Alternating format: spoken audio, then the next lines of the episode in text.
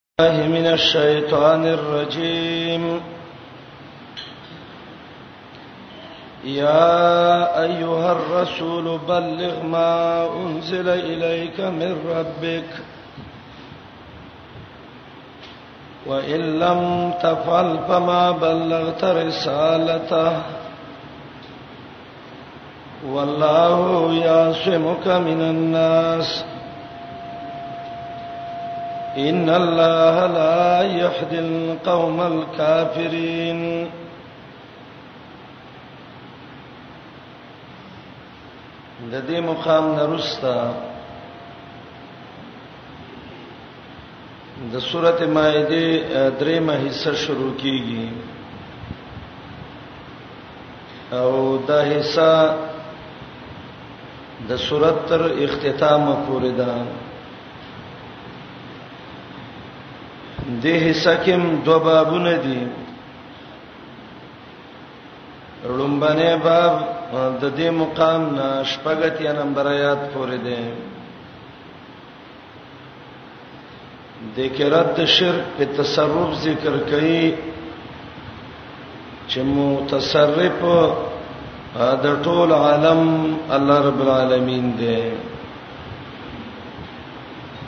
او پنځه مسائل تبلیغیه به ذکر کړي او به تخفیف دنیوي او اخروی يهودو او منافقانو له ذکر کې بعضی نسواراو چې توحید منلې ده نو هغه د بشارت ذکر کی دا د باب خلاصه ده یا ایها الرسول بلغ ما انزل الیک د دې آیات د مخ کې سرابت او مناسبت مخ کې ویلې ک کلیوالو اهل کتاب ایمان را وړې وې نو د برا او د لاندې طرف نه خوراکونه به کړی وې نو ایمانی ولوی سرمایه ده نعمت ده نو دې آیات کې وایي پیغمبره چې ما انزله کې دونه ګټه ده نو بلغ د دې دعوت وکا چې دا د الله بندگان د دې خیر نه محروم نشي ته دعوت وکا چې دا خلک د دې دومره لوی خیر نه محروم نشي یا مخ کې ویلې خلق دوه قسمه دي یو امت مقتصده ده او دویم سا ما یعملون بدعمل دي وس دې آیات کې وای دعوت وکا چې دا امت مختصده ایمان زیات شي او د بد عملو اصلاح وشي یا ایه الرسول بلغ ما انزل الیک من ربک نبی رسول الله تعالی درې خبرې د آیات کې ذکر کړي یو خبر ادا ده چې تبلیغ وکې خود ما انزل الیک من ربک د قران تبلیغ بکې د حدیث وبکې اسې منګړتی قصې بنه زوته او دویمه خبره او تکئی کله رب د دین دعوت دی ونک نو پیغمبر پیغمبري دی ونرسوله اشاره دی خبره ته ده عالم او نبی اله د الله دین باندې کامیابیږي با چې د الله د دین دعوت د الله بندگانو ته وکي او دریم نبی رسول الله تعالی وای د خلکو نه یریګم دعوت کوا والله یعصمک من الناس الله به د مخلوق د zarar نه بچ کړي الله به ستاسو مدد کوي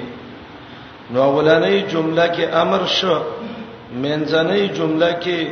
لګه سورنه شو او اخیرنۍ جمله کې بشارت شو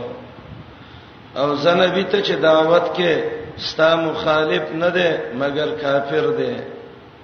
او کافر گمراه ده به هدایت د دنیا نه روان ده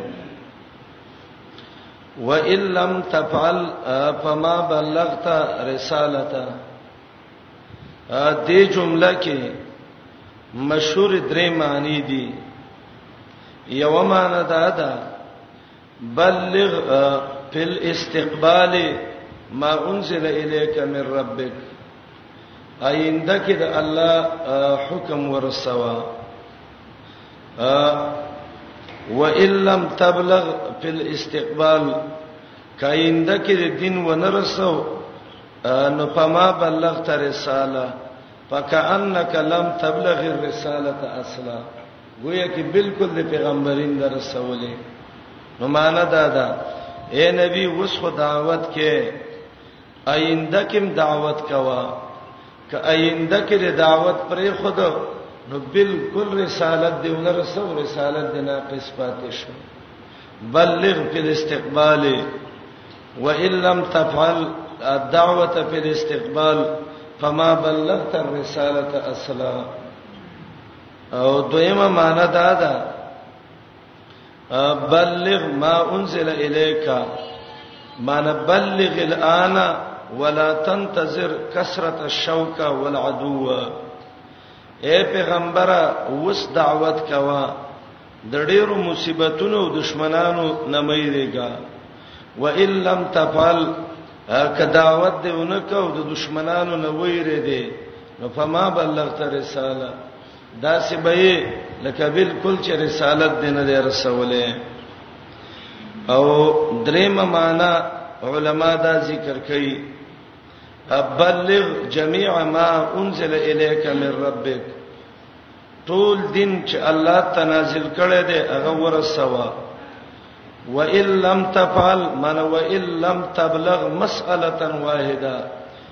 که یو خبره دیم پرې خدا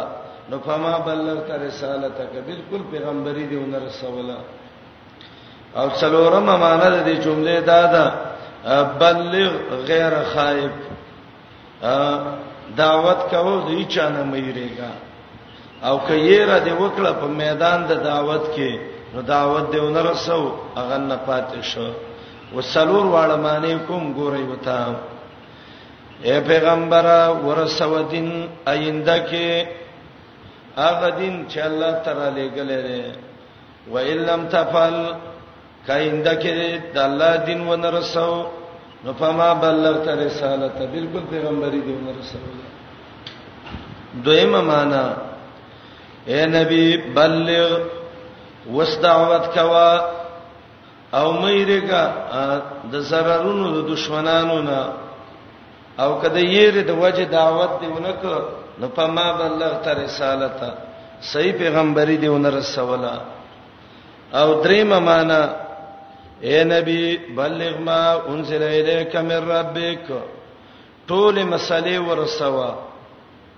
اې د سینه چې پرې دی و ان لم تفعل کټول دې ونر سوالې او څه دې پرې خو دې او څه دې وکړې نو فما بلغت رسالته صحیح پیغمبري دې ونر سواله او څلورم د دې ټول آیات مقصد دا دی نبی دعوت کوا ایره ګما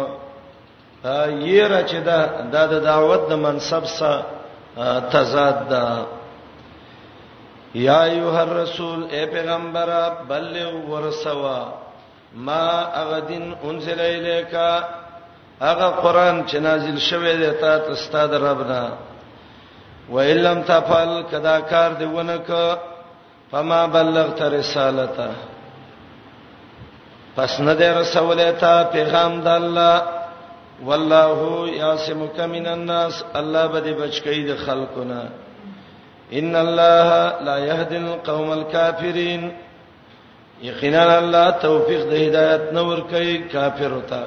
کافر لرب د هدایت توفیق نور کوي قل یا اهل الكتاب دا څلور واړه معنی آیات کې مدارک ذکر کړی دي یا اهل الكتاب نه پنځه مسائل تبلیغیه ذکر کړي اولنې مسله دا ده اے کتابینو د آسماني دین باندې کلک شي عمل وکي په او که په آسماني دین عمل ونک نو د الله په نس هیڅ حیثیت نه لري دا ولنې خبره ده د الله دین باندې عمل وکي او که آسماني دین باندې معامل ونک نو تاسو د رب په نسبانه هیڅ حیثیت نه لرئ دا ولنې تبلیغي مسله ده دویمه تبلیغي مسله د شرک رد وکا او هغه نسوارا چې هغه وای چې عیسی علی السلام دا الله دی نو دا خلک کافر دي او د عیسی دعوت یا بنی اسرائیل عبد الله ربي وربکم دا په آیات دواویا کې او دریمه تبلیغی مسله په آیات دریویا کې لقد کفر الذین او څلورمه تبلیغی مسله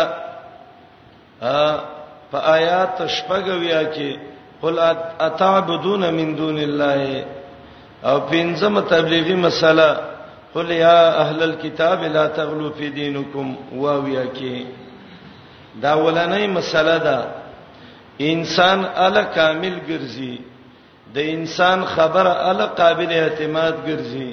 چې هغه د آسماني دین تابع چې آسماني دین پکې نه هیڅ قدر د انسان په خبره کې نشتا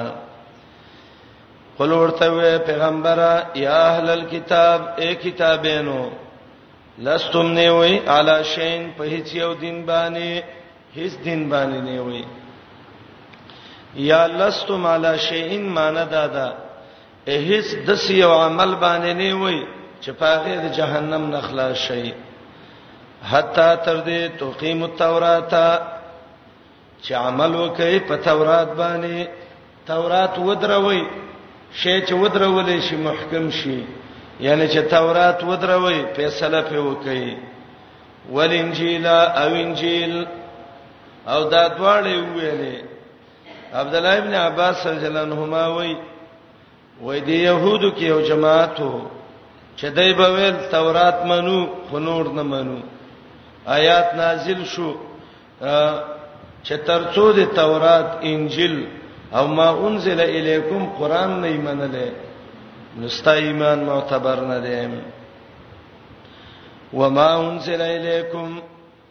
او ترڅو چې ایمان نه راوړې په کتاب چې تاسو ته نازل شوه مې ربکم تاسو دربنا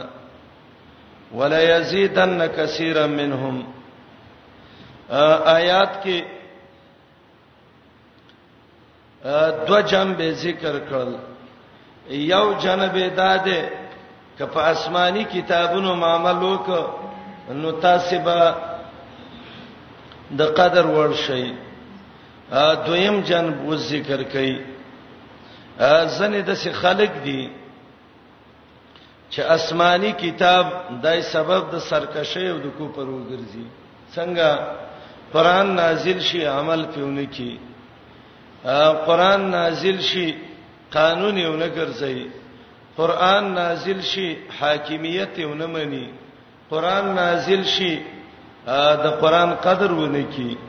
نو دای د سرکشي او د کوپر سبب وګرځي ولا یزیدن خامخازیته کثیرن ډیرولا منهم د دینا دما انزلا ټوله جمله فاعل دی یزیدن نه دی هغه کتاب چې نازل شوی دی تا ته ستاد ربنا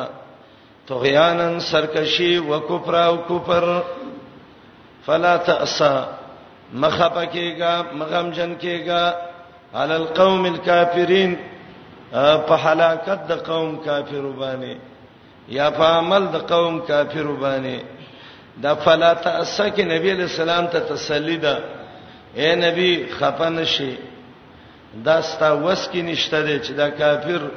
ایمان راوړي انک لا تهدی من حببت ان الذين س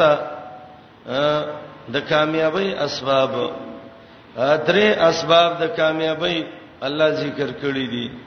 ایمان بالله یو ایمان بالیوم الاخره دوا اعمال صالحه دا که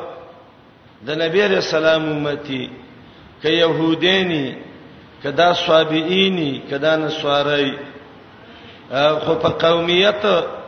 باندې کامیابی نشته کامیابی په دې درې امور ده امنو دا د محمد رسول الله امت ده یا امنو هغه خلک چې منافقان دي په خله د ایمان داوا کوي احادو دا يهود دي د موسی علی السلام قوم او هادو ته زکوي چې دا د يهوذا په زامنو کې راغلیو نو يهودا ته به ځان منسوبو ابن کثیر لیکلی دی چې هادو ته وای زکه تهود عربی کې خوځیدلو ته وای کله چې بدای تورات لوسته نو د څه به خوځیدل وسه دا دی وجه نه ابن کثیر وای د قران د لوستلو صدا د څه خوځیدل د بدعت دی دا باندې کې ځکه دا د هغه يهودو سره مشابهت راځي اکثر دا د د حفظ د حلقو کې د لکان د څه خوځيږي وسه نه دا وی تحود تحرک چې دی وای من عمل اليهود دی امام ابن کثیر وای والصابئون صابی او سړیو چې د پلارې متوشلخ نومو او غد ادریس علی السلام بچیو صابی بن متوشلخ بن ادریس او دې ته خلکو ځان منسوب کړو او صابئین به هغه چاته به صابی ویو چې د یو دین نبوت او په بل دین به ورغه وای دا صحابي شوی دی محمد رسول الله بارک ویلو انه صحابي فتقو صحابي دی د پلار نکدنې پرې خزان ته وساتئ او دا والصابئون مرفوع ده اصل عبارت دا ده ان الذين امنوا والذين هادوا والنصارى من امن بالله واليوم الاخر وعمل صالحا فلا خوف عليهم ولا هم يحزنون والصابئون كذلك من امن منهم بالله واليوم الاخر مدارک د معنی کړی دا نو معنی بدای شي هغه خلک چې ایمان راوړي يهودین دي نصارا دي دای کې کامیاب هغه څوک دي چې ایمان بالله والیوم الاخر عمل صالح وکړه او صابئون هم د قشان دي دا آیات مقصد څه دی فهم الايه د آیات مقصد د آیات مقصد دا دی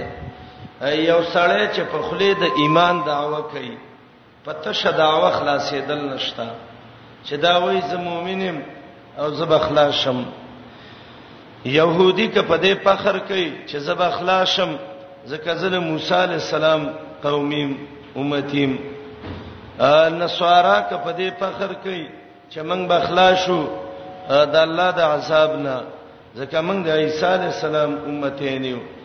صابئون کپدې فخر کوي چې موږ به خلاصو ځکه موږ د ابراهیم علی السلام د غیو د امتین یو خلاصې په نسبت کې ک محمد رسول الله ته کې ک موسی ته کې ک عیسی ته ک ابراهیم ته په مطلق نسبتونو باندې خلاصېدل نشته دي خلاصېدل په څو چیزونو دي دریو باندې ایمان په الله اخرت باندې اعمال صالحه ان الذين يقيننا خلق امنو چې ایمان راوړل والذین خلق هادو چې يهودین دي وصابئون هغه خلق چې هغه صابئین دي بت پرس شوته وي یا صابئین هغه خلق چې د خپل دینونه پریخي او په نور په سور غلي ون نصارا او نصارا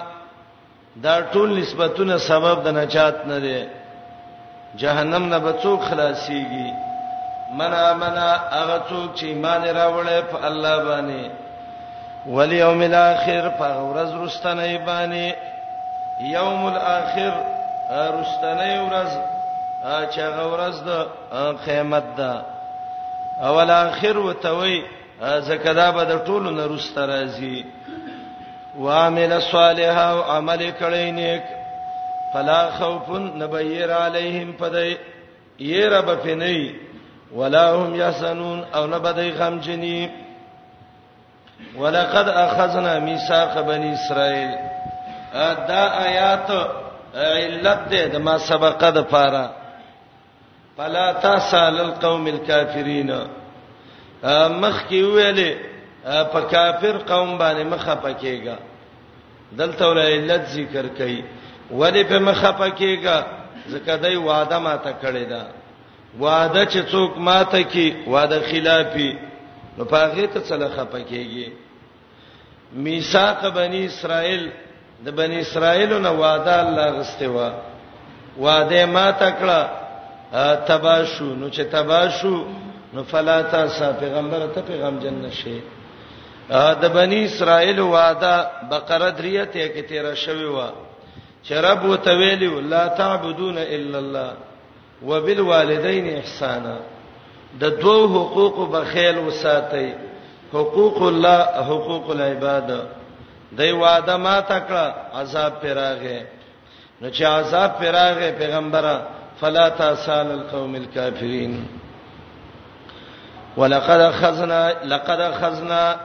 یقینا منګه غستوا میثاق بنی اسرائیل مضبوطه وعده بنی اسرائیلونه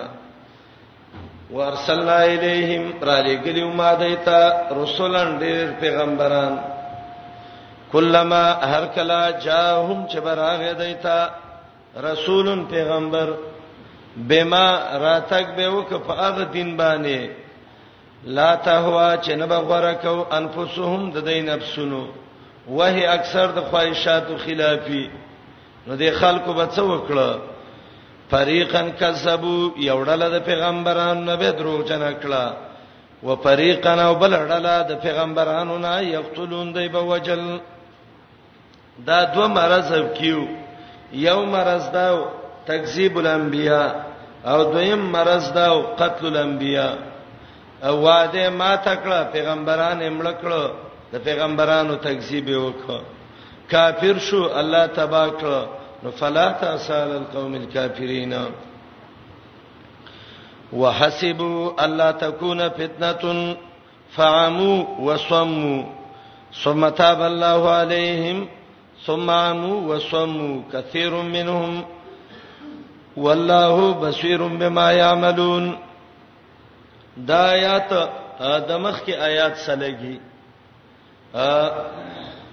دای چې به څه پیغمبران مړ کړه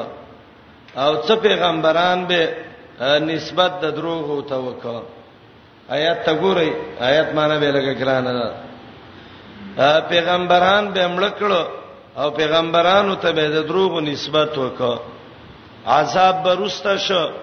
عذاب برانغه نو دای به ګمان وکړه چې الله تکونه فتنه دا کانه تامه ده او معنی دا ده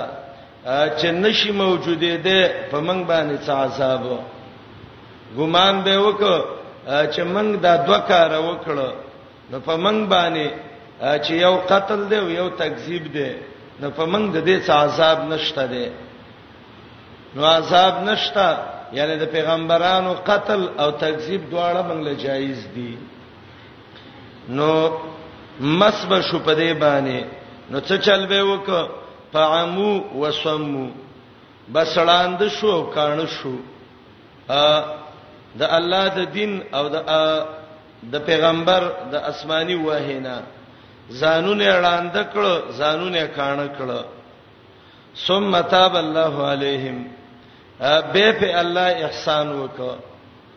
احسان یې داو چې عذاب به پراغه دی به توبه وستا الله به له توبه قبول کړه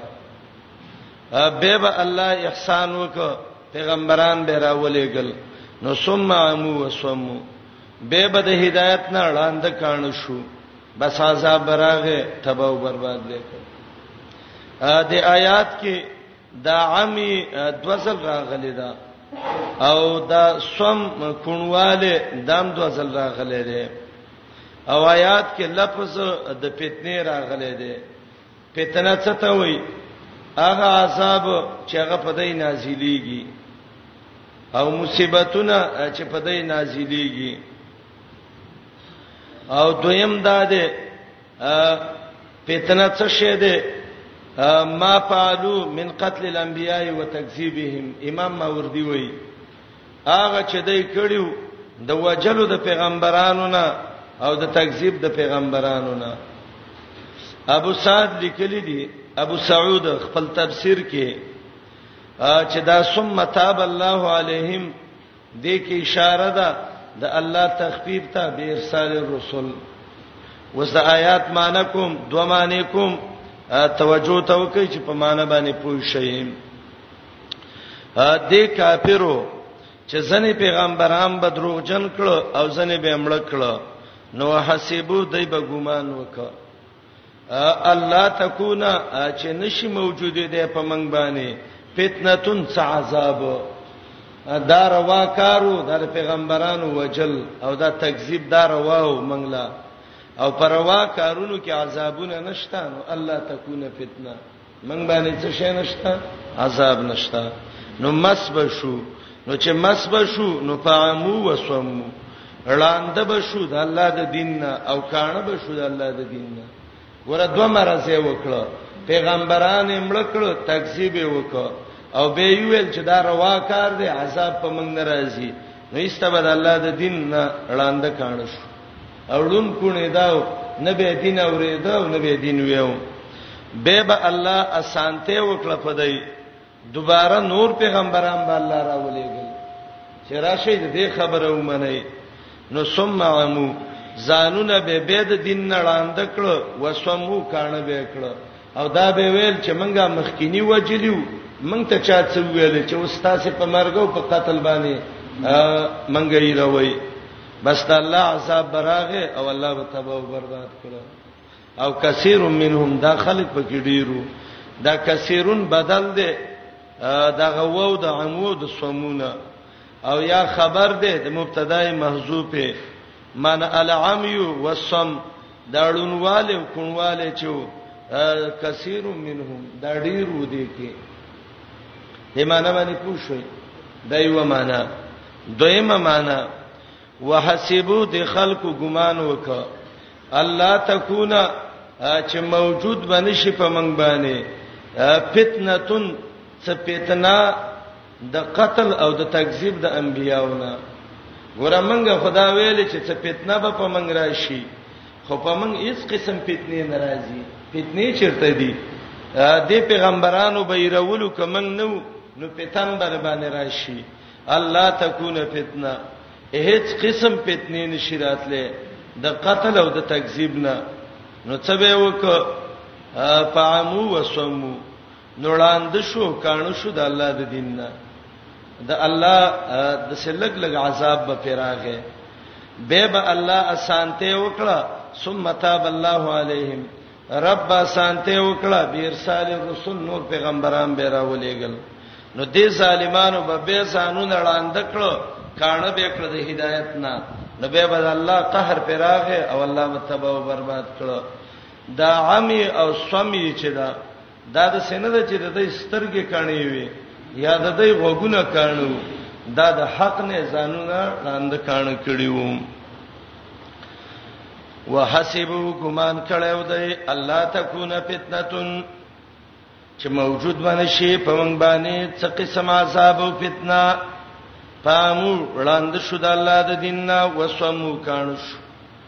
ثم تاب الله عليهم به احسان کړو الله په دای باندې تاب معنا دا خففا اسانته الله را واستوا پر علی ګلو د پیغمبرانو باندې ثم امو به ځانو نه کان کړیو د هدایت نه او د حق نه وسمو او کان شویو د الله د دین او د حق نه او کثیر منهم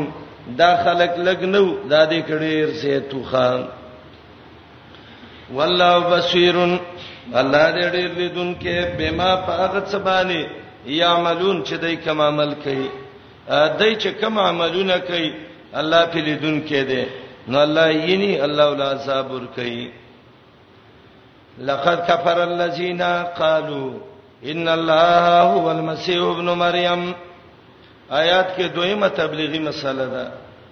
او دا دریمه مسله مقصد د دې مسلو رد دی د شرک په دې نسواراو کې وړلوا چې هغه ته به یاخبه ویلې یاقبا دا حلولیو دای بداویل الله هر وخت کې د چا شکل کې راځي دی وخت کې د عیسی علی السلام شکل کې دی نو دا عیسی کتا سي د مریم زوی ښکاری خدا د مریم بچی نه دی دا حقیقت کې الله دی الله سخت زورنې سره خبره کوي شرک دی ویل د بغل کېګم پکلکه خبره وکا الله وای دا سوچا کافر دی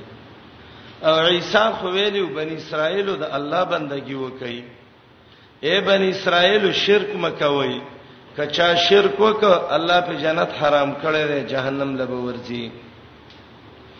دا انه من یشرک بالله دا یا قول د عیسی علی السلام دی او یا قول د الله دی نو دا دویمه تبلیغی مسله ده د شرک را ده په سختو الفاظو کا د سینه چې ټول ورځ ته د فضایل نه اوړي راوړي ځان له فضایل نه دی عقیده په کلک الفاظو بیان کا اکثر دا خلک وای یره وای د حدیث وړر سخت خبرې کوي ته د رب خبره ته وګوره چې رب وایي لقد كفر الذين لام فقط داخل شوه دی الفیه کې هم قاعده ویلي چې دا تاکید مفید د قسم د پاره دی یقینا الله وی قسم می دی چې هغه خلک کافر دي چې هغه وی الله عیسی ابن مریم دی د شرک رات په دسه سخت الفاظو کا او دې آیات نه دا معلومیږي چې حلولیه بالاتفاق کافر دي او دې آیات نه دا معلومیږي چې د وحدت الوجود والا خلق بالاتفاق کافر دي ځکه الله وایي چې دای په ویلې چې د عیسی او د الله وجود یو دی الله وایي دا کافر دي وحدت الوجود والا کافر دي حلولیه کافر دي یا عاقبه کافر دي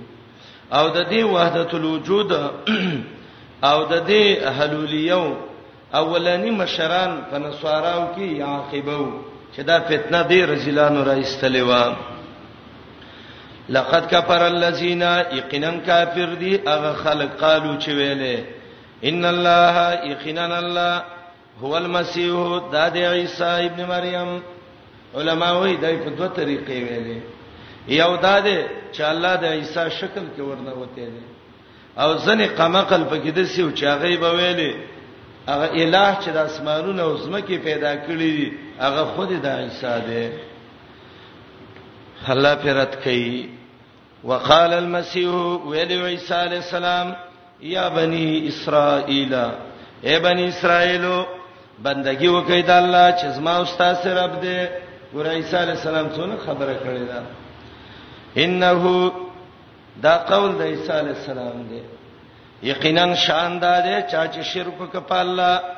بشک الله حرام کړی په دې جنت او زید ورتګي ور د جهنم دی یادا د الله خبره ده هغه خلک چې عیسی ته الله وای دا کافر دي او هغه خلک چې په الله سره شرک کوي الله وای دا کافر دي نو انه من یشرک چې الله قول شي نو دا به تعمیم شي بعد تخصیص ځکه مخ کې کوپر د هغه چاو چې هغه عیسی ته الله وای وس کوپر د هر مشرک دی انه شانداد چا چې شرک وکړ په الله فقد حرم الله علیه الجنه بشکا حرام کړی الله په دې باندې جنت و مأواه النار زید ورته کې اور د جهنم دی مشرک ابدی جهنمی دی قران تصریح کړی دا دا نه د یو مولا فتوا ده او نه د یو قاضي فتوا ده دا د الله فتوا ده و مأواه النار زید ورته کې اور د جهنم دی وما للظالمین من انصار نبی سالمانو لا څوکیم دادی آیات کې په مشرک باندې څلور پته ده الله یو ده ده مشرک کافر ده لقد کفر الذین دویم ده چې څوک د شرک عقیده کوي نو کافرم دی خو مشرکم دی انه مې یشرک بالله او دریم جنت په حرام دی او څلورم ور ول لازم دی او پنځم دا غټ ظالم دی د مشرک نه لوی ظالم نه وي و مال ظالمین من انصار ان الشرک لظلم عظیم شرک لوی ظلم دی نو مشرک ډیر لوی ظالم دی او د دې اصل وجدا ده یو شی به زی خدل د تعربی کې ظلم وای یو حق کې کمې کول د ته ظلم وای مشرک د الله صفت په بنده باندې دی او د الله په حق کې کوتای کوي نو الله ته ځکه ظالم ویل شرک ته ظلم ویو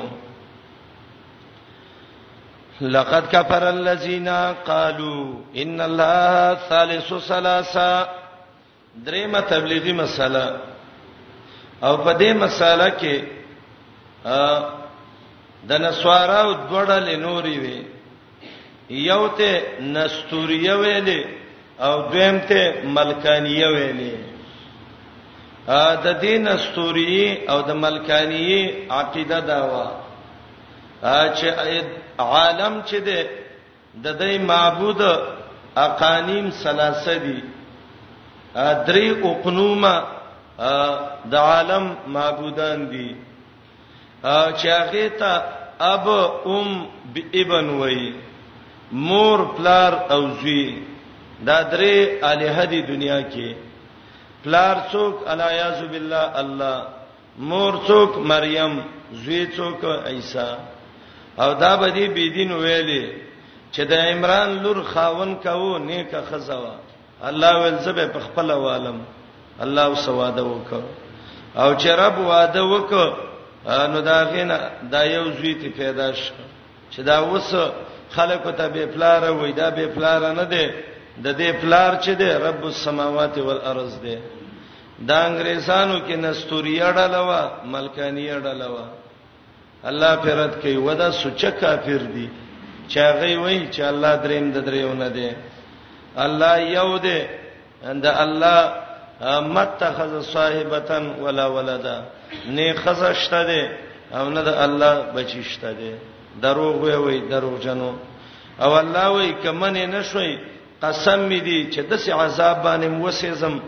چې یاد ولرای ګوره او دا تاسو چې وتا وې وې چې دا د الله زوی دی نو دا خو د مریم زوی دی د الله رسول دی مور یې مرشتنی و دا مرشتنی و عیسی او مریم به خوراک کوو الله چې هغه خوراکونه نه کوي اے بی دینو اول د څه خبرې کوي تاسو ان الله ثالث ثلاثه الله په سخرت کوي او دا د انګريزانو کې د ملکانیو نستوریو ډېر رزل خلکو یو بل جماعت پکې پیدا شوو هغه به ویلې مریم یو جنې و به تربیته لوی شو به تربیته چې لوی شي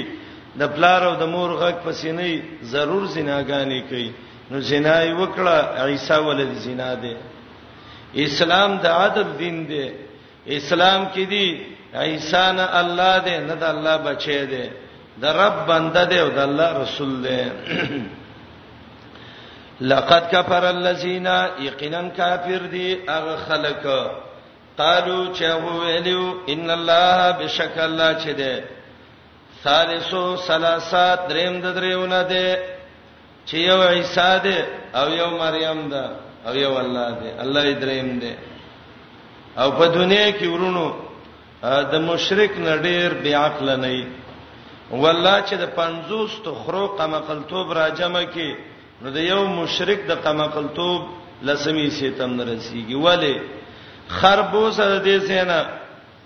او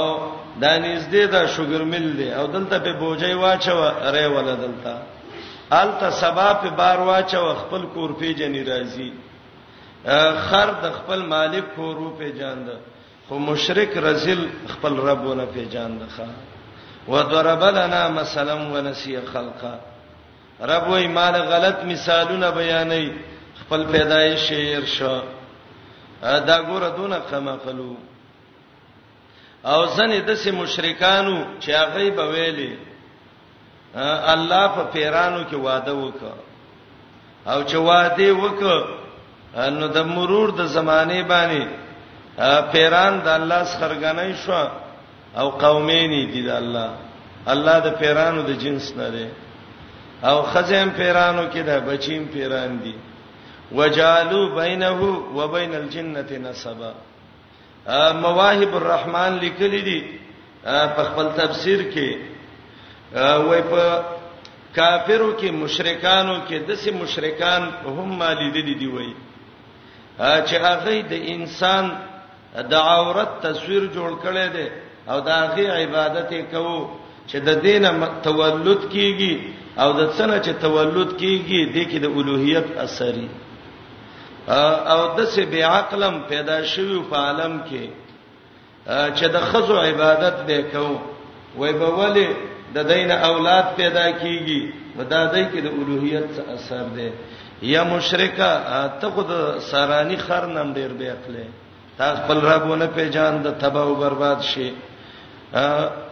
دی باندې اکثر ذهن ته بستاسه د اشکال راځي چې دا الله ولې دی مشرک تر سړي غصه دی چې کله ته وای ته غټ ظالمي ته غټ کافر او تا اصل نه بخمه او جنتم نظر کوم دا ولې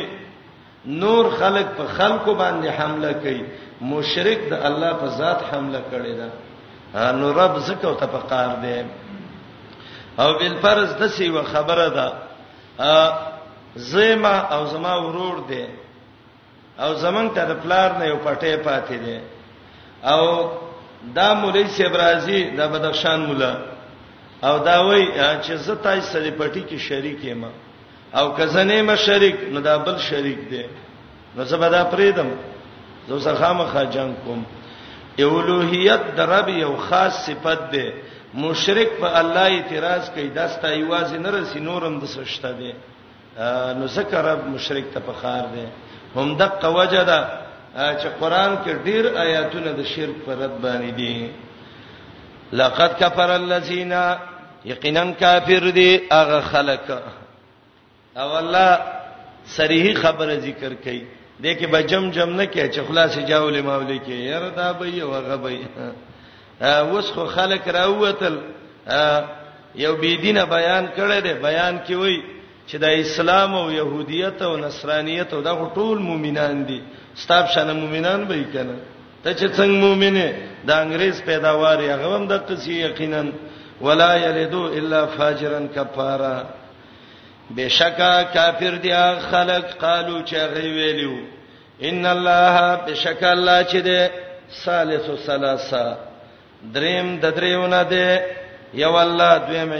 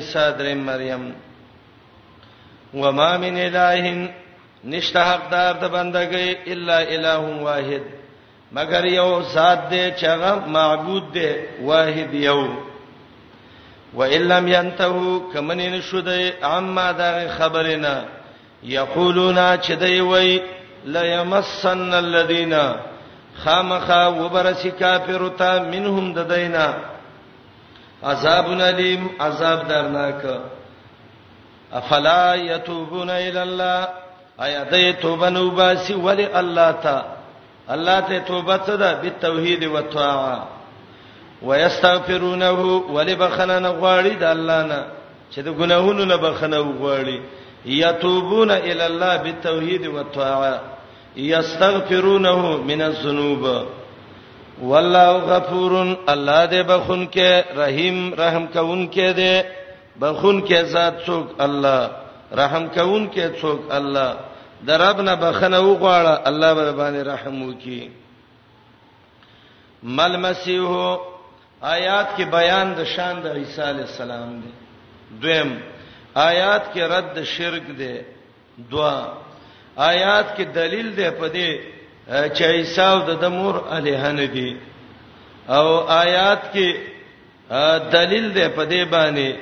چې عیسی رسول دی دا څلور خبره آیات ذکر کړې دي او دا دې د پاره وای نسوارا ویل چې الہ نه دی نو عیسی څه شی دی نو الله تعارف د عیسی ذکر کوي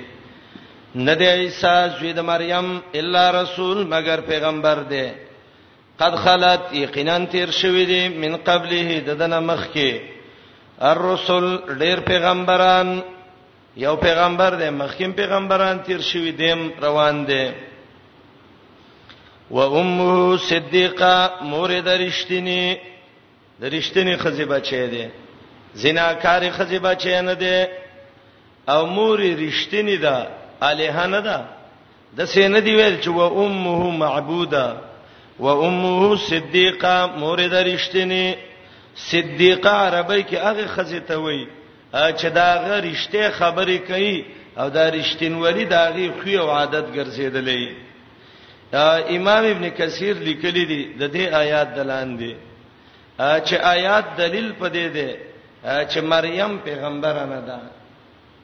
زکه که پیغمبر وې نو الله به ویلی وې و امه نبیه مور څه نبیه وا ډیر خلک هغه هوښیار خلک یې بعضې ځای کې خطا شي. امام قرطبي وایي مریم پیغمبره وه. ابن حزم لوی عالم دی. زاد المعاد کې ابن قیم د ابن حزم اوهام را جمع کړي دي. دې ځای کې غلط شو، دې ځای کې غلط شو. دې مسلې لراغلې ده نو ابن حزم وای وای مریم پیغمبره ده سارا د ابراهیم علی السلام خزه ده پیغمبره ده د موسی علی السلام مور چې ده دا پیغمبره ده او دلیل په دې باندې ذکر کړي چې یو خو ملائکو سره خبرې کړې دي او دویم وحی ته وای شوی دا خود دې جواب داده ابن حزم ته غلط شوی وروره قران گواهه پدې چې الله هیڅ یو نبی نه دی را لېګلې مګر د سړو نه را لېګلې وما ارسلنا من قبلک الا رجالا نوحي الیهم امام اشعری اجماع ذکر کړي د پدې باندې چې پیغمبران په خزو کې نه دی راغلي ابن کثیر ذکر کړي دي صفوه کې صابونی ذکر کړي دي بلداد کچیرتا مریم پیغمبر وې نو مریم بارکه به الله د سی ویلی وې چې و امه صدیقه په ځای نبیتون ویلې وې او ابن حزم خالم ده دا ډیر اوچت شان دی ماشاءالله خلک د ابن حزم په دغه باندې نه پويږي علمیت باندې خدا خبره هغه چاته پته لګي چې کله المحلا د ابن حزم وګوري دا مسله راوالي او د سړډې په ډړې واړی دا دلیل دا دلیل دا دلیل او به اخر کې وای قال ابو محمد زما نظر وای دا دی او اخر کې کله د څه خور تیز شي ومن ادعى الحق في غير ذلك فعليه بالبيان بای ځکه وی ولی تیان زما خاله دی وای راشي البته یو شیب کې دی ابن حزم کې چې قلم بای زینو کې لګډیر تیز چلیدلې دائمه راخلی اقوال راوالی نو کله وای چې کده د قلم لګ ډیر تیز لري نور ماشاءالله ابن حزم ناشنا عالم دی امت کې تیر شوی دی اصول فقه کې د کتابونو وګوره الاحکام په اصول الاحکام د ابن حزم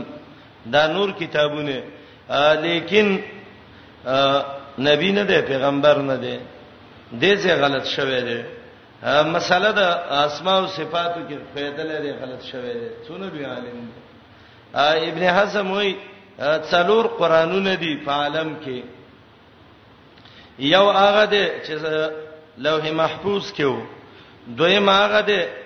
چې بیت العز سما او دنیا کې وو او دریم هغه دی چې کوم دی کاغذ باندې لیکل شوی او څلورم په اذهان القراء د قارینو چې ذهنونو کې دي او څه مخلوق دی او څه غیر مخلوق دی دا کیسې جوړې کړې دي او خیر سره دی یو قران څلور کړي دی څلور قران دی د ته زلات د علما وی خالمی استخویش خطا شي مسله کې زاد المعاد کې ابن قیم د د اوهام را جمع کړی دی اوهام د ابن حزم پلاني ځای کې غلط شو پلاني ځای کې پلاني ځای کې دې ځای کې خطا شوه دی و امه صدیقه کانا ودا دواړه یا کولان توام ډوړی به خړله او څوک چې ډوړی خوري هغه الہ نه سورته انعام 14 کې براشي وهو یطعم ولا یطعم الله نورو له ډوډۍ ورکوي او خوراک نه خوري دا د رب صفت ده مریم خوراک کو عیسی خوراک کو څوک چې خوراک ته محتاجي هغه الٰه نه وي انظر وګوره پیغمبره دته نظر د عبرت ویخه زته د عبرت په نظر وګوره کیفا نبین لهم الایات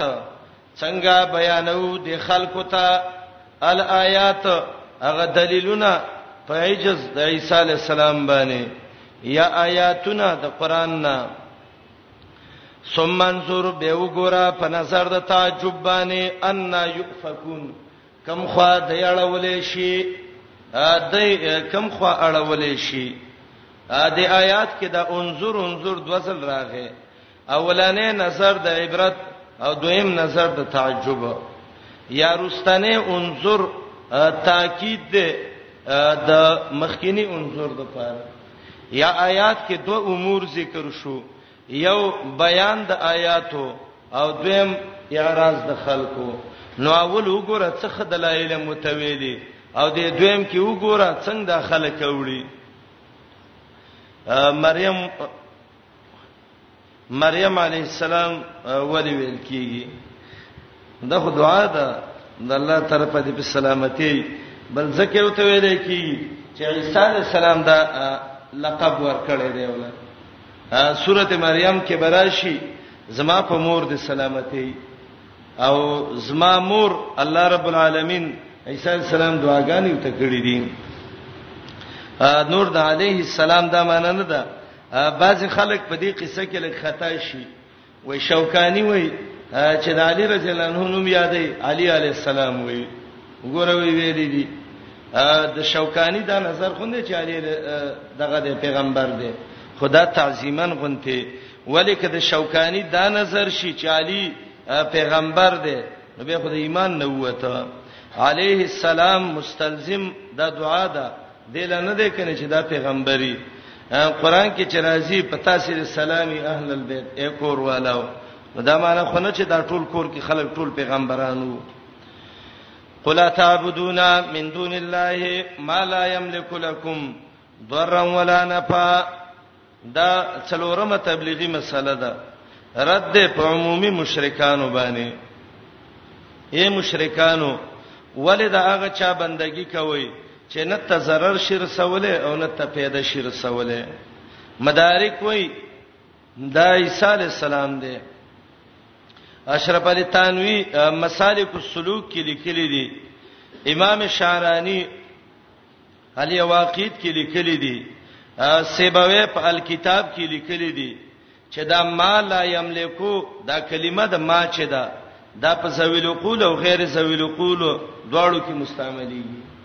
ابن حاجب دلته سخ غلط شوی دی چې ابن حاجب وای چې کلمه د ما په غیر زویل قول کې راځي بوتانو متانو کې او کلمه د من په زویل قول کې راځي الکتاب کې سیبوی پرات کوي وای قال بعض المتنهدین بعضی هغه خلک چې نحوین ندي او ځان ته په زور نحوی وای ابن حاجب یاد کړل خو ابن حاجب په وخت کې وونه خو د ابن حاجب د نظر والا باندې قال بعض المتنحلين وای دا نحوی نه دي چې ځان په زور نحوی ته دغه کوي او دا مې څه کوي اکثر دا خلک وای چې ما بوتانو ته وای ما لا یملک هغه بوتان او کله وای یاره وای مفسرین خود ما لا یملکو په ذیلی کی چې جمادات لیکي ما هغه جمادات وګوره وای تاسو اولیاء وای وای او جمادات مفسر ویلی دي ساده وې تا مرقاتم نه دی ویلې او نه دی مجمنطق ویلې دی او نه دی تهذیب او نه دی سلم او نه قطبی او نه دی بل ویلې ده تا نه دی ویل چې جماد څه شي ته وای الله حي جمادون چې کوم شي کې جون نه یغه جمادي مفسر خو کمال کړی د سلا په ځای ویلې جماد مړیم دی جماد بوتانم دی جماد درگاونم دی سیوتی لیک دغه لیکلی دی فتح البیان نواب صدیق حسن خان سے فتح البیان کې وای چې دا حال د عیسی شي چې عیسی نه ضرر شي رسولی او نه نفع نو پما ظنک بولی من الاولیاء ستا څه خیال دی چې د دنیا بل ولی به کني څه ضرر او پیدا ورسي باقی شعرانی سیبوی ټول وای چې کلمه د ما زویل قول او غیر زویل قول دواړو کې راځي قلو ته ویوا اتعبدونا ایتاس بندگی کوي ته رب نما سیوا ما د اغچا لا یملکو چې وسنه لري لکم تاسو له ضررن د zarar نه zarar شر سواله ولا نفع او نه تفیده شر سواله آیات صریح دلیل پدې ده چې دا مشرک د چا بندگی کوي نه zarar شر سواله او نه پیدا ثنا الله پانی پتی چې هغه مشهور عالم دی داغه کتاب دی تفسیر مظهری مظهری کې وای ثنا الله پانی پتی لیکلی دی چې اولیاء ول الله د څه طاقت ورکړی دی یدمرون اعداهم د دشمنانو کورونه وراني وینصرون اولیاءهم او د خپل دوستانو مدد کوي او نو ثنا الله پانی پتی غلط شوی دی کنه ولی قران کې الله وایي نه zarar شته او نه نه پښتا نو سنا الله دی وای کنه او کې دې شي دا د کتاب کې چا دس کړي باغینو یا خپل د مسله کې سنا الله باغ شوی ځکه دا عبارتونه تاسو وګورئ به مسری دا زه مخ کې ورسته ما څو ځل کتل تاسو وګورئ د جلالین عبارتونه را لې د نورو مفسرینو عبارت ټول راغسته ده خو چې دغه زه تراغله ده د کلمې په ورنه ایستلې ده ثنا الله پانی پتی نه که هر څوکي چې د څه خبره وکي د قران د عموم نه خلاف دی ما لا یملکو لکم ضرا ولا نفع او دا چې د څه د اولیاءو کورونه اوچتای او د دشمنانو ورانه نو دا ملنګان چې تناسي چر چا خپې خرابي دله د اپریشن وو کې سمې دي کې کنه د چا سترګې کږي یو سترګې مشرق ته ګوري بل مغرب ته ګوري د د سترګو بیلانس ته جوړ کې کنه او بعضی د سي چې په وګونو کاني نو د د وګونو نور څلاڅکه چې قل هو الحمد ته نه یادغه خو دې ته یاد کی کنه وای دا پلانې کوي پلانې کوي پلانې کوي کله به وای شامل کلی دي چې رچانه یو شی ورک شو نو و قدمه د لاړ شي قبله طرف ته من فقد شیان فل یذهب سبت اقدام کتاب المبخوت کې شامل کلی دي و قدمه قبله په لاړ شه به ودرېګا مستقبل القبلة وليقل يا عمر ابن حمدان وی و اې د مصر لوی ولی عمر ابن حمدان ان لم ترد علی ضالتی اخرجت کان دیوان الاولیاء کزما ورک شوه شه درانول والله چې د اولیاء د دفتر نه دی وباسم ته به دا ناظم دی او مشرف د دې دی چې استل کوي اخرجت کان دیوان الاولیاء شامی وی لیکلی دی نو شامی باغی شوه دی کنه بل دا دی شامی دو چاپ دی او دا دواړه من کتلی دی یو شامی چې هغه استنبول کې چاپ شوی دا هغه کې د الفاظ نشته نه لوخته کې شته او نه لقید کې شته او دا خدای مصرینو چې د بدعاتو جرړې وي نو مصرین د معاملو کې ډېر د غدیه سخت دي نو بس مصرینو کې دا ولیکل د استنبول چاپ د شامی کې دا نشته دی زربوي کتاب کې لیکلي دي کنه چې په یو قدم تر عرش پورې رسی ما لیدل د رفتار د درویشانو او نور به هه هڅه خو فرمایل مردار قران څه وای ما لا یملک لکم ضرا ولا نفع هغه څوک چې وسینې تاسو لا نه د zarar او نه د پیدې والله الله چې دی هو السميع دغه ډیر اوري الله ته چغه وکمړه العلیم الله ډیر پوی دی خپل اجازه ته پیش کا قل یا اهل الكتاب پنځمه تبلیغی مسله اے کتابینو دین کې غلو مکوي غلو دوه معنی وي یو معنی دا ده زیته مکوي چې معمولی مسله او ته غټه او غټه مسله ته ورکه د سیمه کوا اے مولانو زیته دین کې مکوي او دین کې زیته دام دی یو ورکوټه مسله او دون زور ول سړی ورکی چې هغه بالکل سړی په کو پرته ورسي د سیمه کوا لګ را کوشه گزاره وکا او دام مکوي چې غټه مسله او ته بالکل ورکه کې دسې مه کوه قران وې کلی کې د چا سورا نه وي یو سړی د خوخ نه دی او هر ټول ورځ د قران آیاتونه په غیب سره لګي او پینډه ته ټوپک دي ته جوړ کړي زګاوي کو دا شکی مل دي دا کوړ ته ورړولې او کافر مغه یو زنديق مغه یو بل مغه نه قران نه پینډه دي ټوپک ما جوړوا لا تغلو فی دینکم اے کتابینو سهته مکوي په دین ستاسو کې غیر الحق هغه سیته چې حق نه دی دا غیر الحق د لا تغلو فی دینکم تفسیر دی هغه سیته چې هغه حق نه دی او غیر الحق معنی وکي غیر ثابت فی الدین چې دین کې ثابت نه وي سیوتی در منصور کې وایي یا کتابینو بدعت مکوئ په دین کې او دا د قطاده قولم دی هغه بدعت غیر الحق چې هغه حق ثابت دین نه دی ولا تتبعوا مروانېږي اهوا قومن په خواهشاتو د یو قوم پسې دا دوه نواهی یو دا غلو مکوي دویم دا خواهشاتو د یو قوم پسې مروانېږي دا قوم څوک علماوی اسلافهم دا یغه مشرانو قد ضلوا من قبل واضلوا كثيرا وضلوا عن سواء السبيل چې گمراه شوی د دینه مخ کې او نورم گمراه کړیو ډیر او خطاو د سمیلارنا د آیات کې دا لفظ درې سره مات ک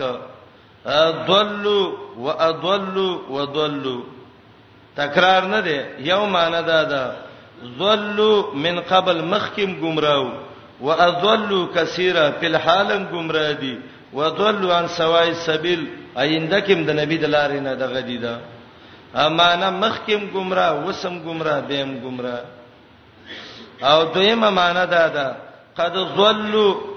چې مخکې گمراه شوی په خپل او اضلوا او نور د ځان سړیر گمراه کړ په غلط دلیل باندې او وضلوا عن سواء السبيل گمراه شوی دي داغه سملار د اتباع د محمد رسول الله صلی الله علیه وسلم نه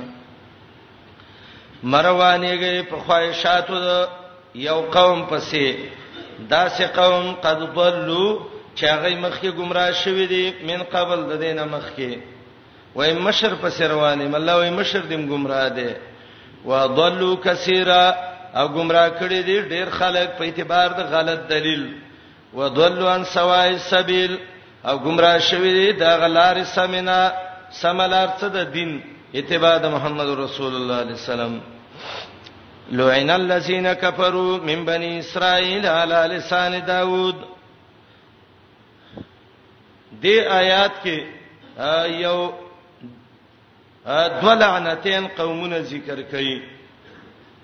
او د آیات د مخ کې سرابت او مناسبت مخ کې آیات کې ویلې گمراه دي د آیات کې وایي لعنت په شوه دی په هغه خلکو لعنت شوه چې کافر دي د بنی اسرائیلو نه د بنی اسرائیلونه هغه کافر خلک په دای د الله لعنت شوه او د عیسی علی السلام د داوود په جبم په لعنت شوه او د عیسی ابن مریم په جبم په لعنت شوه لعنت په د الله د خوانه شوه څنګه دای په ویلې د آیات کې د یو وهم ازاله ده دای په ویل من د الله سامنیو الله وی تاسو لعنتین وی لعنت د باندې شوه دی او د الله د طرف لعنت هغه ده چې د حق دین پرې خود د داوود علی السلام په جبل انت چې د خالی په ورځ داغه تعظیم ونک الله ته خنزران شادوغان جوړ ک د عیسی ابن مریم په جبه دای باندې لعنت وشو چې کله آسماني درستخان راغې او دای خلاف وکړ دا لعنت په شوو الله یې درې سبب ذکر کړي یو ګناګارو ذالک بما سو دویم زیاته کو وکانو یاتدون دریم کانو لا یتناحون عن منکرن فعلوه د ګنا نه به خلق نه منی کول لعن الذين لعنت شوه ده په خلکو چې کافرو د بنی اسرائیلونه په جبه د داوود علی السلام او د عیسی ابن مریم ذالک دا لعنت په شوه بما سو په سبب دا غي چې د ګناهونو او نافرمانی کوله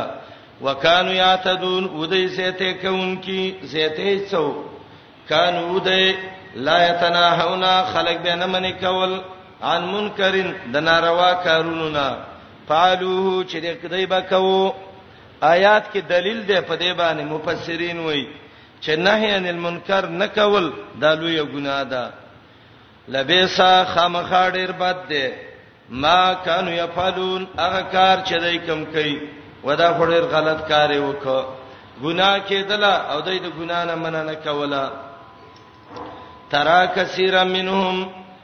یعنی با ډیر د يهودنا دا منهم زمير يهود تراجه دي ډیر يهود بینه یتولون الذين كفروا چې دوستانه بکې د کافرو سره دویمه معنی مجاهد کړي دا چې دا منهم زمير منافقانو تراجه دي ترات بینی کثیر منهم ډیر د منافقانو نه ډیر په د منافقان یې نه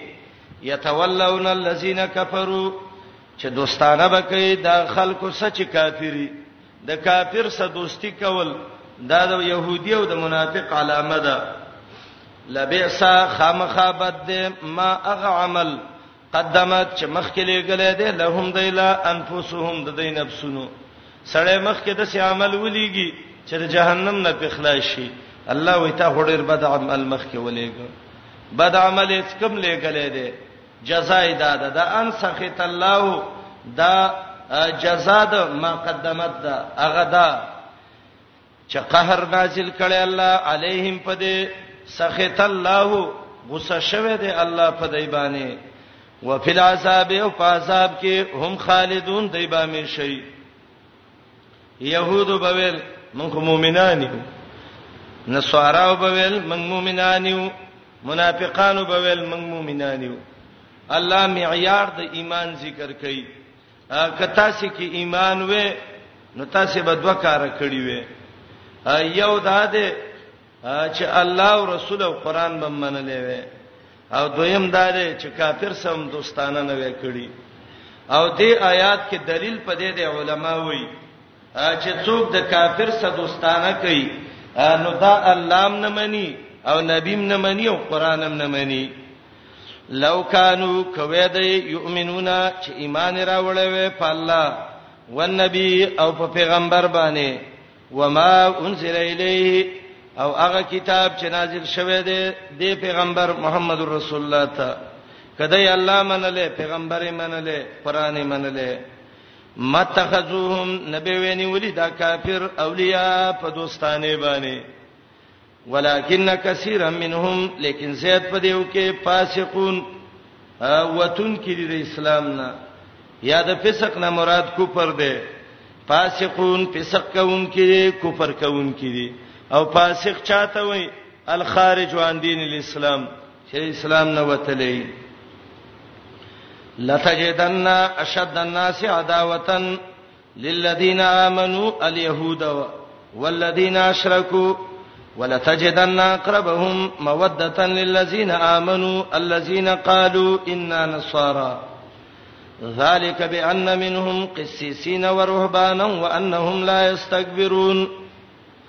دې آیات کې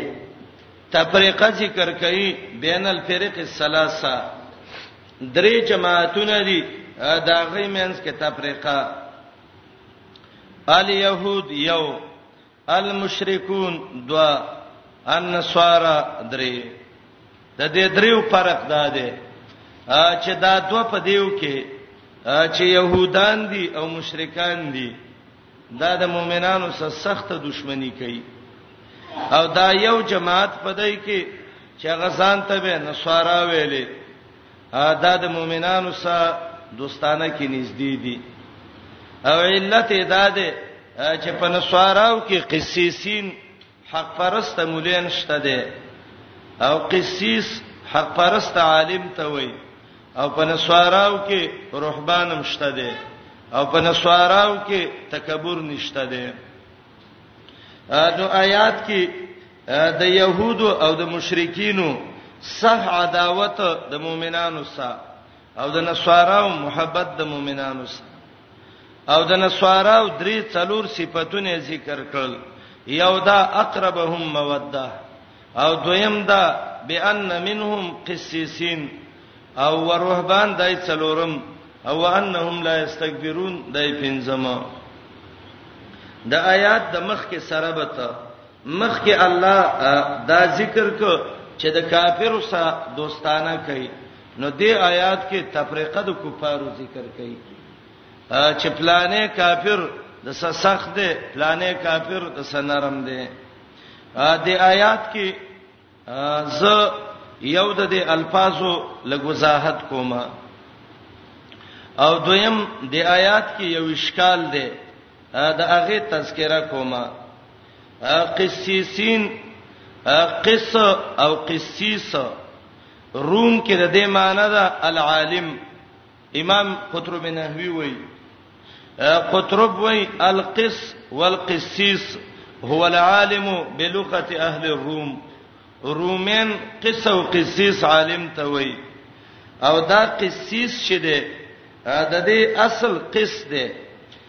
او د قس معنی ده تتبع او طلب، تالاش او تفتیش کول. او مطلق عالم تم قسیس وای. نسواراو کې چې نیکان خلق به نو دای ته به قسیسین علما ویلې. نشاپوری او امام قرطبي د عروه ابن زبیر رضی الله عنه نقل کړی دی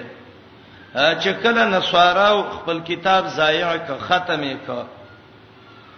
نو یو عالم د اغینه حق پرس پاتې شو چې هغه کې حق او استقامت په دین باندې او د هغه عالم نومو قسیس نو څوک چې به داغه په دین باندې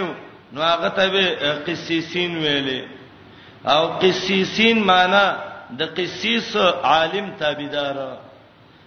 بان منهم قسیسین نو یا قسیسین مطلق علما یا د عروه ابن زبیر رضی الله عنه د قول مناسب هغه خاص دیندار عالم پدې کې چې د هغه اتباعو ته به قسیسین ویلې، یعنې د قسیس تابعداري کوونکي علما. ګورې د آیات ته لږ وګورئ وروڼو. دې آیات کې الله وایي د يهودانو دښمنی د مؤمنانو سره سخته ده. د مشرکانو دښمنی د مؤمنانو سره سخته ده خو نسوارا د مؤمنانو سره سخت نږدې تعلق ساتي نن زمانہ کې وګورئ د مسلمانانو سخت دشمنان دا د کلیسو والا نسوارا دي ښا عباد المسیح یخوفونا هغه خلک چې عیسی علی السلام بندگی کوي متنبی وای هغه منګی رہی ونحن عبید من خلق المسیح موږ دا غ الله بندگان یو چې عیسی پیدا کړی دی نو د قران نه معلومیږي چې د مؤمنانو سره د نسوارو دوستانی خې نږدې مضبوطی دي او د ظاهر نه نن معلومیږي چې د مؤمنانو سره د نصارا او د انګريزانو دښمنۍ نه ډېری سختې شوې دي دا دې څه مقصد دی قرآن یو د آیات معنی کومه معنی د آیات دا ده مقصد د آیات ګورئ د يهودو په مذهب کې دا چې ستاسو څوک خلافي نو هغه ته zarar رسول هغه ته مکر کول چل کول دا جایز دي دا غي په مذهب کې دا او د نسواراو چې ده دا غي نظریه دا و یو سړی په یو دین دی تانه خلاف دی آسمانی دین باندې دی نه به ته zarar رسې نه به څه مکر کې نه به څه خداع کې نو لنډه دا ده چې د نسواراو صفت الله زکه وک چې د دې په دین کې انابت وو انابت داو چې بس بل اسماني دین دی zarar وته مرسوا نور څه ته مکوا او د يهودو په دین کې داو چې ستانه څوک خلاف د zarar وته رسول شي نو الله د نصاراو زکه صفات وک چې په نصاراو کې انابت او په يهودو کې تعصب او دا نصارا یو قول دا دی چې دا ټول نصارا نه دی ګوره دا صفت چې الله کړی دی داغه خاص نصاراو چې نجاشي د حبشونه کوم وفد را لېګلو نبی علیہ السلام سورته یاسین وتولست فبکوا واسلموا پچو چو وجړل به مسلمانان شو او به ویلې ما اشبه هذا بما كان ينزل على عيسى قسم په الله چې په عيسى عليه السلام به کوم دین نازل شو او من اوریدلې ده د قران د صورت دغه سم مشابه دي نو دا ټول نسوارا نه دي داغه د حبشو نه چې راغلي مسلمانان شوي داغه نسوارا دي او بعض علما وایي چې نه دا هغه وخت نسوارا دي بالکل د ټول نسوارا داسي دي او که نن سبا نصارا دغه کوي ده د مسلمانانو سره زیاتی کوي نو وسنی نصارا مشرکان شوی دي دهریه شوی دي يهودان شوی دي د خپل کم مذهبي دین د دوی چې ده هغه د پرېخې ده کدی خپل مذهبي دین تلاش کړو نو پاغه کې دا ده چې د محمد رسول الله د امت سره دوستانه کوي نو دا عمومي حالت نه ده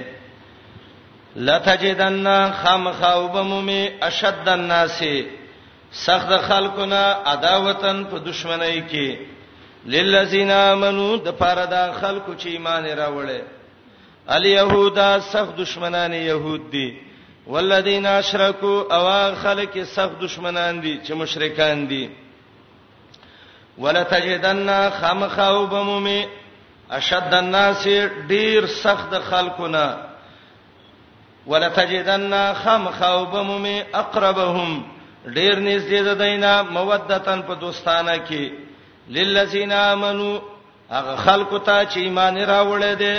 څوک ته ډیر نږدې دي دوستانه کې الذين هغه خلک دي قالو چې هغه ویلو ان نصارا من یو امدادین د عیسی علی السلام امام ماوردی وای له سلام رو علی العموم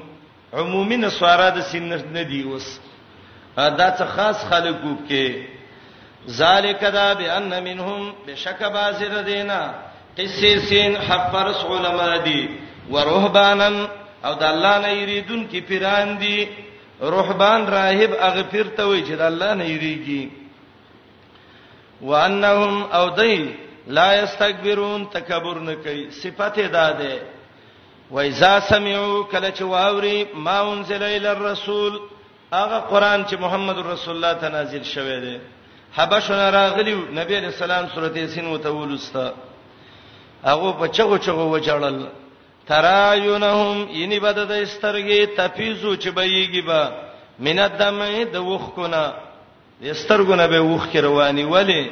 مما عرفو د وجه دا غنا چې دوی په جان دلې ده من الحق د حقنا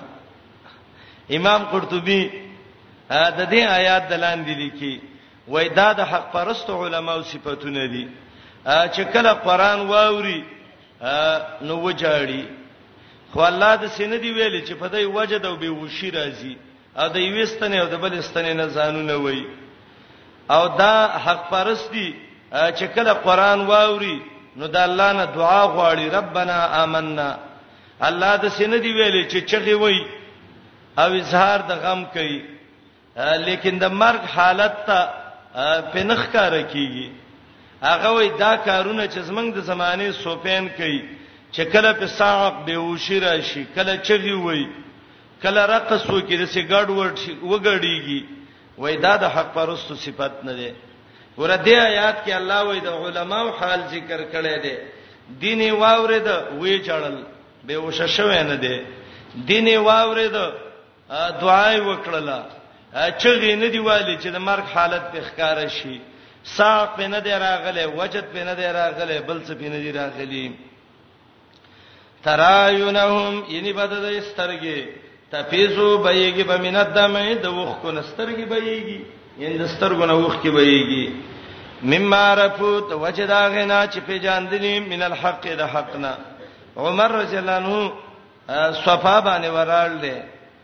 او بیت الله ته مخامخ لاس یو چت کړی دی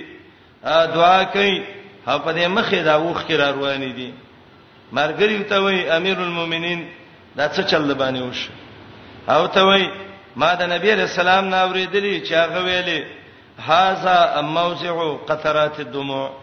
دا د وښ کولو ته کولو زیاده ښا یقولون وای ربنا یسمن ربا امننا ایمانم راوړې فاکتبنا موږ ولیکي ما شاهدین سره دا خلقونه چې گواهی د الله په دین کوي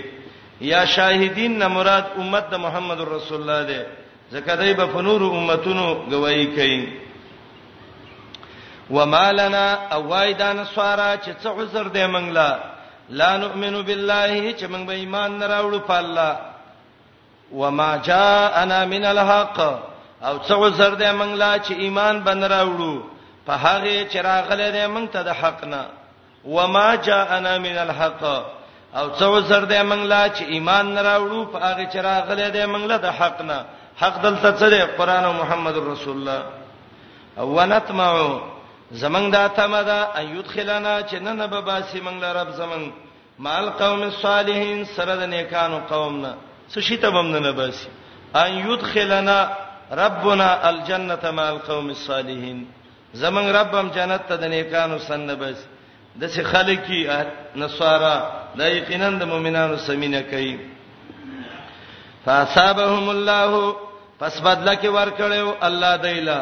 بما قالو په سبب د وینا د دی څه شي جنتونه چې به یېږي ولاندې داغینه ولی یا بدل کې به ورکی الله دایلا په سبب داغه حق وینا چې دای کړي دي څه شی بوله ورکی جنتونه چې به یېږي ولاندې داغینه ولی خالدین فیها همیشه به پدې کې وذالک جزاء المحسنین دا د بدله د اخلاص والو ته چا عمل کې چې اخلاصي الله ولدا بدله ور کوي بالمقابل تخویف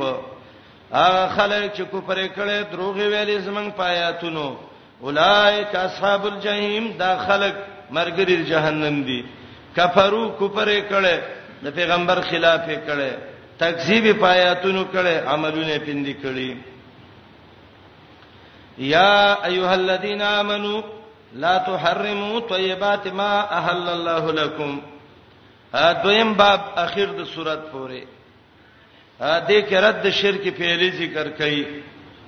په ذکر کولو د څلورو مسلو باندې اوله مسله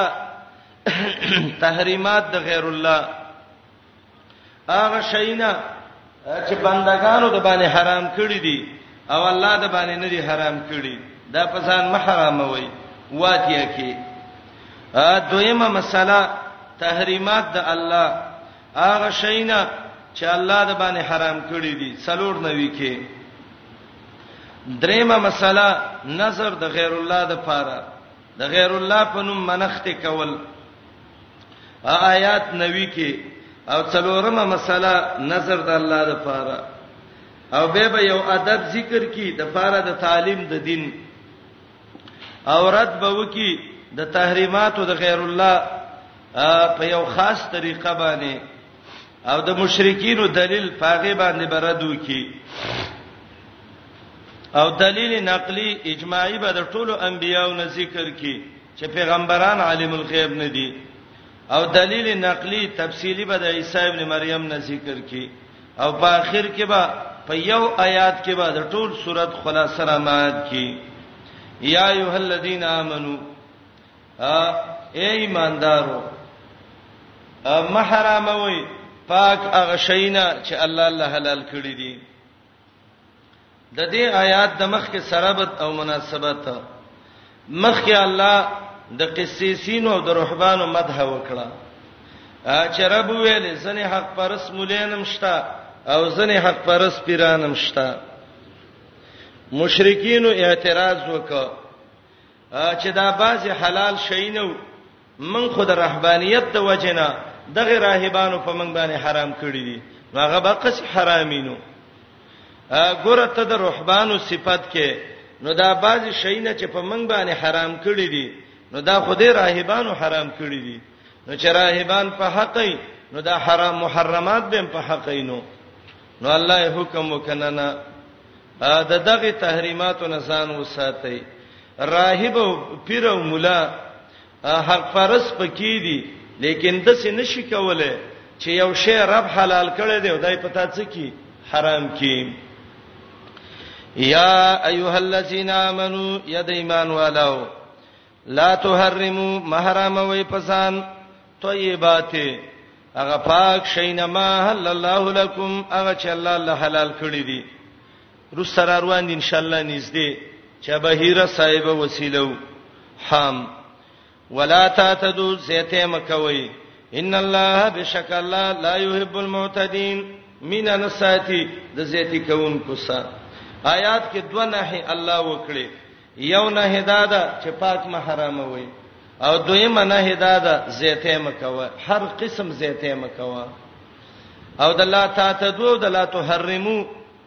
مناسبت څه دی چې الله وی پاک ته حرام وي او زیته مکوا مسله د حرمت ده او مسله د ظلم او زیتی کې رااله نه رب ته شکنه هغه ده حرام حلال محرم او پزان ولی چې رب حلال کی او ته حرام کی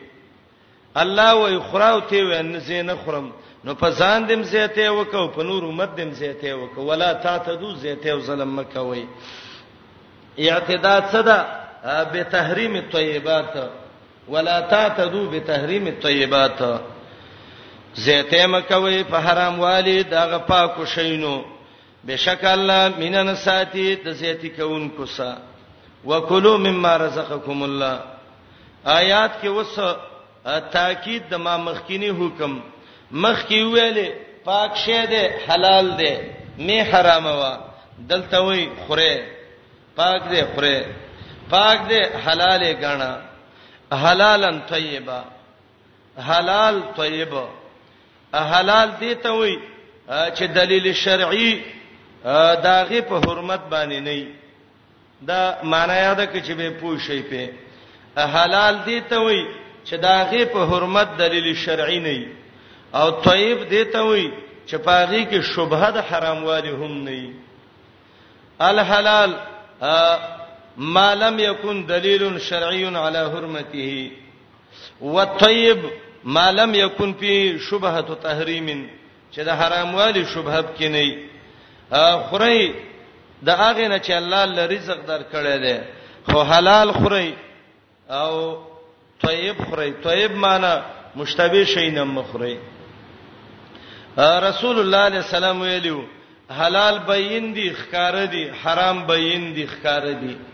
او د دې په مینس کې د سه مشتبهات شي نه دي چې پاغه باندې ډېر خلک نه پويږي خو که چاته ځان وساته فقد استبر ال دینه د خپل دین پاک وساته مشتبهات نه بزان ساتي یاره شوبه دب کې وسی وخرم او کوي نه خرم دا کار حلال دی یو علما وی حرام دی بعضی وی حلال دی ستا دلیل یو تم ونه رسید چې اوس کم قول غره دی لک توقف وکب کې او دا الله نه ویریږي آیات کې دوه امور الله ذکر کړی دي چې دواړه د کامیابی امور دي یو دا دی چې حلال خوري او دویم دا دی چې تقوا دغه کوي پیدا کوي او اخر کې وای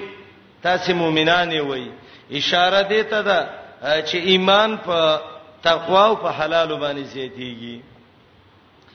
د بعضی سلفونه دا نقل دي چې هغه سړی چې هغه حرام کوي حرامي روپۍ دی وسه او پاغه باندې دغه کوي دا حجونه کوي صدقې پې کوي وای کمن یغسل الثوب النجس بالبول لکه میته زبانه چې پاکه کپړه انځي نو هغه پاکیږي که زیتیږي لالا زیتیږي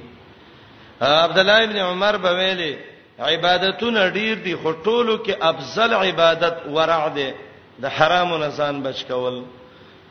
او خلک ته غافل دي نن وکلو خورئ حلال ګڼئ هغه څه چې الله له رزق درکړی دی حلالن حلال طیبه د سپاک چې شوبه د حرام والب کې نه وي ویریږي د الله نه الذي غزاد انتم به مؤمنون چې وي تاسو په هغه باندې ایمان لرونکي ستاسو په الله ایمان دی او ځان کو ساتل دي چې زونونه لا یؤاخذکم الله فی اللغو فی ایمانکم آیات کې به د قسمونو مسله ذکر کړي د قران عجیبه ترتیب دی ښا کله چې د قران ترتیب باندې د سرار وانی انو به د قران په خوان به پویږي او چې لګ اخوا دې خوا شي نو د تسبو مزه دی چې نو وشلې د بيدانې را غونډونو دا څنګه ناشنا خبره ده مخ کې ویلې حلال وخوري او دلته وای قسمونه مکوي که قسم دی وک کفاره ورکا دې څه مقصد دی دا آیات د مخ کې سرابت آیات وګڼډې د مخ کې آیات سچ قرآن په مزه پوي شي امام قرطبي او امام سمعاني یو روایت ذکر کړی دی هغه روایت دا دی چې صحابه کرامو د رهبانيت اراده وکړه کله چې مخ کې د رهبانيت ذکر شکنه چې زنب کې رهبان پیران دي نو صحابه او اراده د رهبانيت وکړه چې موږ به پیری کوو او قسم یې وکړ چې زمنګ دی په الله قسمی چې موږ به پیری کوو اراد الرحبانیه وحلفوا علی ذلک د رهبانيت اراده وکړه او قسمونه په وکړه او دا یو ویلې باز شینا چې دا د رهبانيت د وجنه په منګ باندې څي حرامي چې کله دا آیات نازل شو لا تحرموا طیبات ما حل الله لكم نو دیرال او نبی علیہ السلام ته ویل یا رسول الله الله وای چې د حلال او ته حرام مو وی وی من خو په قسم کړی دی نو دا قسم څه څه چلو کو نو آیاتونه نازل شو درې قسمه قسمونه دي په یو دی الله نه نیسی او په دوه دی الله نیسی په شوی د آیات مقصد باندې رهبانیت د وجنه شینه په ځان حرام کړیو آیاتونه نازل شو حلال محرم وي دی ویل یا رسول الله من خو حلال نه حرامو بس رجوع به وکړو خو من قسمونه کړو قسم څه څه وکړو آیاتونه نازل شو دا د قسم علاج نو د قسم مسله په مسله د تحریم الطیبات سره دغه وجنه راوړه او دویم رابطه چې دا ډیر واضح ده او ان شاء الله دا ډېر خم معلومیږي ګوره مخکې ویلې پاک شي نه محرام وا سیده کنه او دا ویلې حلال وخرا دلته وای مخکې ویل پاک محرام وا دلته وای د الله د نوم بیزتی مکوا کته چیرته دغه کېدا حلال شی دی او په ځان حرام کې نو د رب حکم دې مات کو خو کله الله د نوم بي عزتي وکي نو دا هم لوی ګناه ده او مسله د قسم په تحریم الطیبات په سراوړه دا وجه علماء ذکر کوي چې د عربو یو قسم له عادتونو چا به ورته ویل ما سره راشه ډوړی وخره هغه به ویل حرام حرام